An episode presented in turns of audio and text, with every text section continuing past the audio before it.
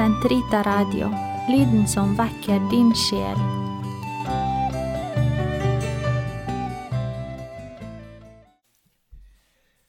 Den tredje delen av presentasjonen om John Henry Newman den innleder med Kirken som Kristi legeme. For Newman sto ikke den enkelte sjel ensom med sin tro. Som allerede påpekt sto Kirken der med sin hjelp i og til troens vekst. Gjennom sine bønner og trosbekjennelse skulle Kirken både gi troen uttrykk og innhold. Han skriver i sin Apologia at han allerede fra sitt 16. år hadde bygget sin tro og teologi på fundamentale dogmatiske prinsipper. Der leser vi Jeg endret meg i mange henseende. I dette har jeg ikke forandret meg, for jeg fylte 15, har dogme vært det grunnleggende for min tro. Jeg kjenner ingen annen tro. Jeg kan ikke tenke meg en annen tro. En tro som bare er meninger, er for meg bare en drøm og en parodi. Nå var det ikke lesning av katolsk, men evangelikale forfattere som først skulle befeste hans tro på dogmenes betydning. Det var denne grunnleggende vekt han la på dogmene som førte Newman ut til en innbitt kamp mot liberalismen.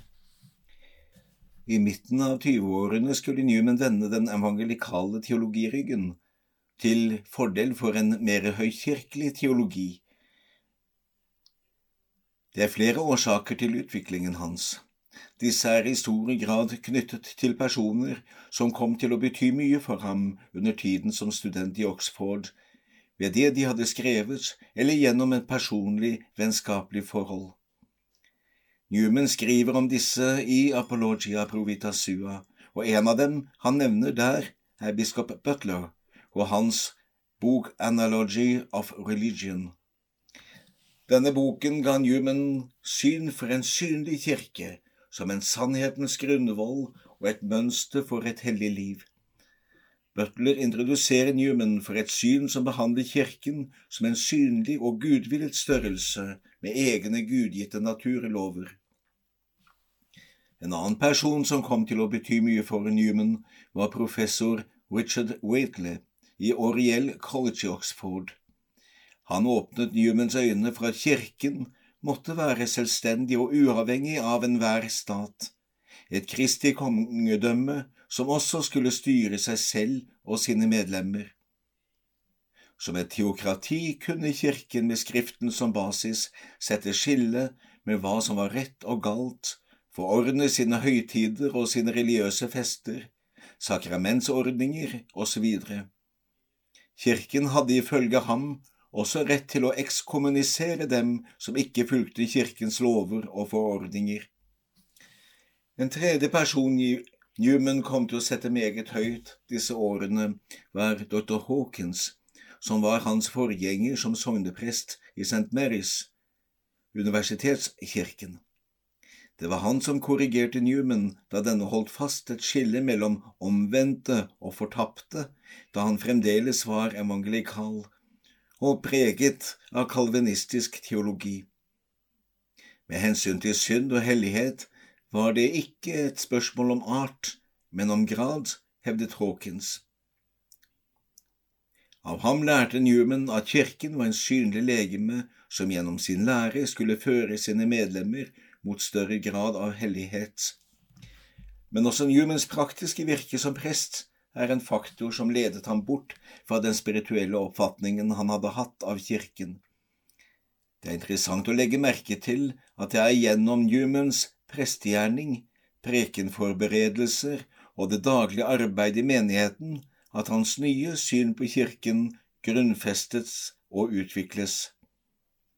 Kirkesynet hans er derfor først og fremst av praktisk kar karakter, ervervet gjennom studier av Skriften og kirkefedrene, men næret gjennom arbeidet for menigheten i Universitetskirken St. Marys i Oxford og annekset Littlemore, og senere også som prest i den katolske kirke.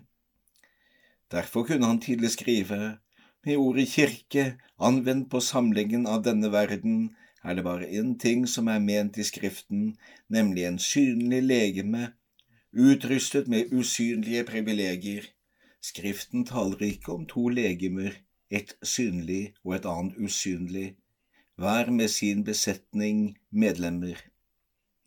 I dåpen får det individuelle mennesket del i Den hellige ånd.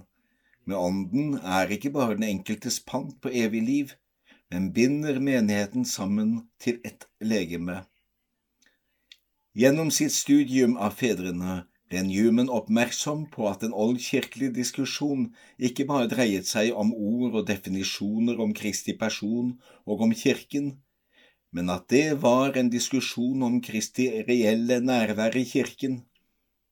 Kirken som Kristi legeme fikk sin berettigelse nettopp fordi Kristus var nærværende i Kirken ved Den hellige ånd. Ved Åndens virke var fremdeles Jesu inkarnatoriske gjerning til stede. Dette er bakgrunnen og forutsetningen for hans forløse gjerning og kilden for all hellighet. I prekene stresset ofte Newman behovet for å gå i kirken regelmessig for å delta i den offentlige gudstjeneste, og da selvsagt også til kommunion. Dette har to årsaker. For det første var kommunion et nådemiddel og var derfor det sted der den døde og oppstandende selv meddelte nåde og salighet. Sakramentet er gitt for å gjøre kommunikantene til bedre mennesker. Han kunne skrive The Lord's Supper is to make them good. Her mottar vi Guds ånd, og som vi allerede har sett, ånden er basis for både tro, rettferdighet og åndelig vekst.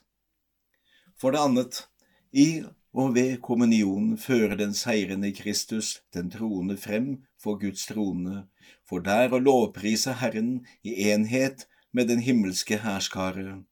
Newman skriver, anta at dere også kjenner til at Din Herres pris ble sunget selv om dere ikke hørte det av engler og erkeengler, kjeruber og serafer som var til stede. Hvilke tanker ville dette vært for dere en slik fantastisk inngang til den usynlige verden, selv om deres ytre sanser ikke oppfatter noe. For Newman var ikke kirken begrenset til de mennesker som stadig søkte til den lokale gudstjeneste på søndag formiddag. For ham var den enkelte kristnes hellighet det bånd som knyttet en til hele Kristi kirke, til alle tider og på alle steder. Han skriver, de er få, de har få på jorden til å være enige med dem eller til å ta del med dem. De ser ut over denne verden for trøst og støtte. I sannhet er de medlemmer av et stort og mektig skjult fellesskap, den usynlige Guds kirke. Den skjulte kirke fant sitt sanne uttrykk i den synlige kirke. Kirkes orden med biskoper, prester og diakoner, og liturgien med dens bekjennelse skulle i ord og handling vise hen til Kristi skjulte nærvær i sitt folk, ikke bare ord og forkynnelse, men gjennom sitt blotte nærvær. I og gjennom kirken skulle ethvert troende menneske være nådemidler for Kristus ved Den hellige ånd. Gjennom tro og hellig livsførsel forkynner disse Guds vilje overfor sine medmennesker. Vi kan derfor si at Newman forkynte et kirkesyn der Kristi nærvær ved Ånden danner grunnlaget for og utgjør den indre virkelighet i kirken som i den enkelte kristne. Sakramentene som frelsens midler, kirkens ruktur og medlemmenes hellige livsførsel er de ytre kjennetegnene. Både som anglikaner og som katolikk var derfor kirkesynet til Newman preget av en helhetstanke der alle de troende gjennom å motta Den hellige ånd i dåpen ble knyttet til Kristi kongelige, profetiske og prestelige gjerning. Dette var en kontrast til den katolske kirkes vektlegging av kirken som et hierarki.